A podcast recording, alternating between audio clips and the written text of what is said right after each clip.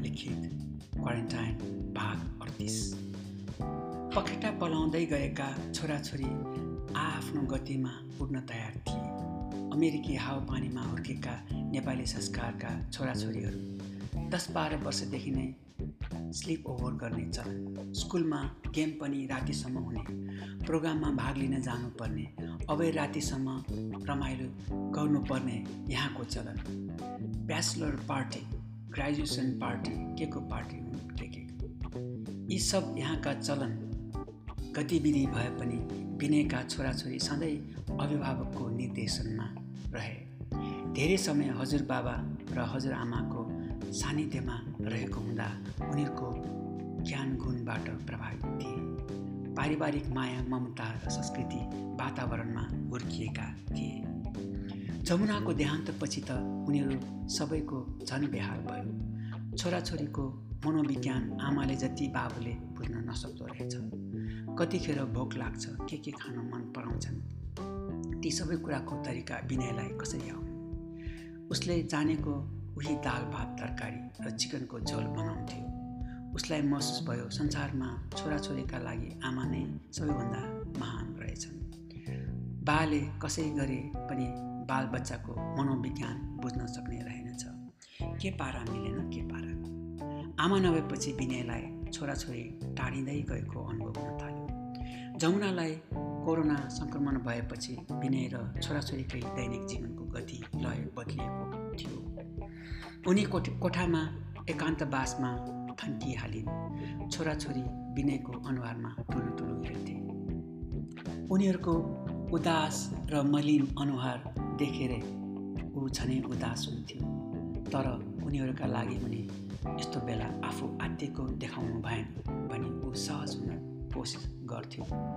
अझ त्यसमा जमुना र छोराछोरीलाई पकाउने खुवाउने र जमुनाको स्याहार गर्ने उसलाई हम्मे हम्मे पर्न थाल्यो। खास गरी घरमा उसले खाना बनाउन छाडेको निकै वर्ष बितिसकेको थियो। खाना पकाउने सामानहरू दाल चामल चिया चिनी राखेको ठाउँ भेट्न गाह्रो थियो उसलाई चिया पकाउँदा उम्लिएको पोखियो तरकारी डढेर भाँडा कालामै भयो। चिनी हाल्नुपर्ने खानामा नुन हाल्नु पुग्यो। ओभानले हात पोल्यो। हातमा रातो डाम बस्यो। फोका फुर्र उठ्न थाले। कहिले खान नपाएको विनयले हविगत दया लाग्दो थियो यति बेला परनिर्भर हुँदाको छटारोले नराम्रो हान्यो उसलाई। सजिलो रहेनछ घराइसी कामकाज गर्नु। छोरी मान्छे हुनुको पीडा बोध भयो उसलाई। जीवनमा दैनिकी नजान्नु पनि व्यर्थ रहेछ भन्ने निष्कर्ष निकाल्यो विनयले। अमेरिकी समाजको संस्कार भनौँ या बाध्यता अठार वर्ष पुगेपछि आफ्नै बाटो लाग्नुपर्ने। आफ्नो भविष्यको खोजीमा कलेज वा काममा लागि घर छाड्नै पर्ने बाध्यता। नेपालमा चाहिँ बुढेसकाल लागेपछि पनि छोराछोरी बाआमासँगै टाँसिएर रहन पाउँदैनन् यताका हुर्केका बढेका केटाकेटी। हुन त अहिले नेपालमा पनि अधिकांश घरमा वृद्ध बाआमा अरू रुङ्दै काल पर्खँदै बस्न बाध्य छन्। अलि हुने खाने युरोप अमेरिका अस्ट्रेलिया गएर कयौँ उतै सेटल भइसकेका छन्। कयौँ सेटल हुने प्रयासमा छन्। उता जान असफल हुनेहरू खाडी मुलुक लगायत एसियाका अन्य मुलुकमा छरिएका छन्। विदेशै नजानेहरू पनि पढाइका लागि उपयुक्त कामको खोजीमा काठमाडौँ त्यति पनि नभएर जिल्लाका सदरमुकाममा डेरा लिएर बसेका छन्। घरमा त उही वृद्ध बा आमा मात्र।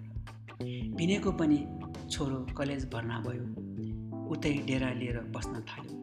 छोरी पनि अर्कै राज्यको कलेज भर्ना भइन् नचाहेर पनि ऊ एक्लो हुन पुग्यो।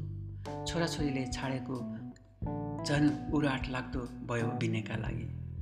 बोल्ने साथी भनेको त्यही एक्लो घर मात्रै भयो। घरको भित्ता जमुनाका तस्बिर नै विनयका साथीसँगै बन्न थाले। उसँग सम्वाद गर्ने पात्र बन्न थाले। घर झन्डै उजाड लाग्न थाल्यो। जीवनका इन्द्रेणी रङ्गहरूले विनयलाई छाडेर ऊ बेरङ्गी भयो। बाबा नआत्तिनु हो यस्तै लेखेको रहेछ हाम्रो भाग्यमा। लेखेको कुरा चुपचाप भोग्नु बाहेक अर्को उपाय पनि हामीसँग छैन। जाने बेलामा छोरी जानुकाले भनेकी थिए। म पनि बेला बेलामा भेट्न आउने नै छु।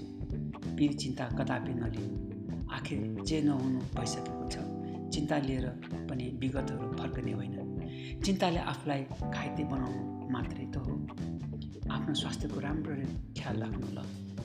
छोरीका वाक्यले विनय छचल्कियो र आँसु बनेर पोखियो ऊ केही बोल्न सकेन। छोराले पनि यसै गरी सम्झाएको थियो। छोराछोरीले बाआमाको धेरै ख्याल राख्दा रहेछन् भन्ठान्यो मनमा नै।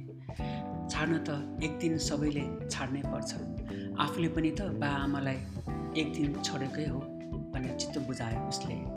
अब ऊ पनि पार्वती जस्तै एक्लो अवस्थामा पुग्यो। हेर्दा हेर्दै उसका लागि छोराछोरी पाहुनामा परिणत भए। परिस्थितिले पूर्णिमाको जुन जस्तो अक्कल बुक्कल मात्र झुल्किने भए उनीहरू। एक त जमुनाले छाडेको घर त्यसमा झन् छोराछोरीले पनि आफ्नो बाटो रोजेपछि खण्डहर बन्न पुग्यो।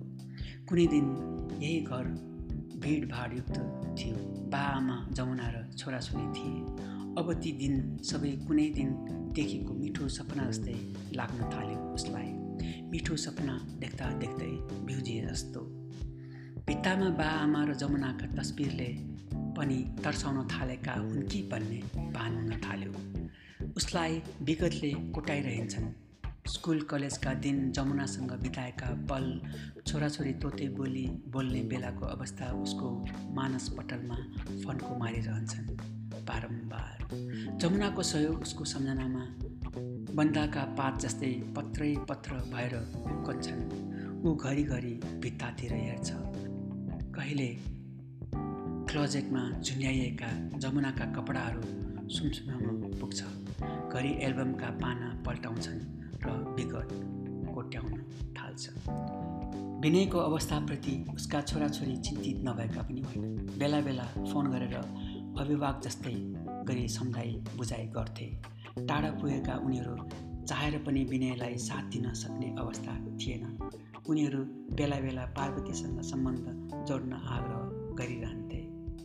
बाबा तपाईँको दोस्रो विवाह गर्नै पर्छ। अहिलेसम्म तपाईँ कहिल्यै पनि एक्लै बस्नुभएको थिएन। एक छाक पकाएर खाने बानी पनि छैन। लन्ड्री गर्ने बानी छैन। घर सफा गर्ने अभ्यास छैन। हामी पनि अध्ययन र काममा सिलसिलामा बाहिर नै हुन्छौँ प्राय। हजुरलाई बोल्न साथ दिने पनि कोही त छैन। बिहे गर्न तपाईँको उमेर घर्किएको पनि त छैन। बुढेसकाल लागेपछि तातो पानी खान दिने स्वास्थ्यको ख्याल राख्ने र एक आपसमा हेरचाह गर्ने कोही न कोही नजिकको व्यक्तिको साथ चाहिन्छ। अमेरिकामा पति पत्नीको साथ चाहिने नै यही बेला हो बाबा। जानुकाले बालाई सम्झाइन् बिचरा पार्वती आन्टी पनि पीडित हुनुहुन्छ एक्लै हुनुहुन्छ। उहाँ पनि एक्लै जिउन सम्भव छैन। उहाँ पनि हाम्रो परिवारको सदस्य जस्तै हो। यति बेला उहाँलाई तपाईँको खाँचो छ र तपाईँलाई उहाँको भाइको पनि यही चाहना छ। हाम्रो इच्छा पुरा गर्नका लागि पनि तपाईँले बिहे गर्नै पर्छ।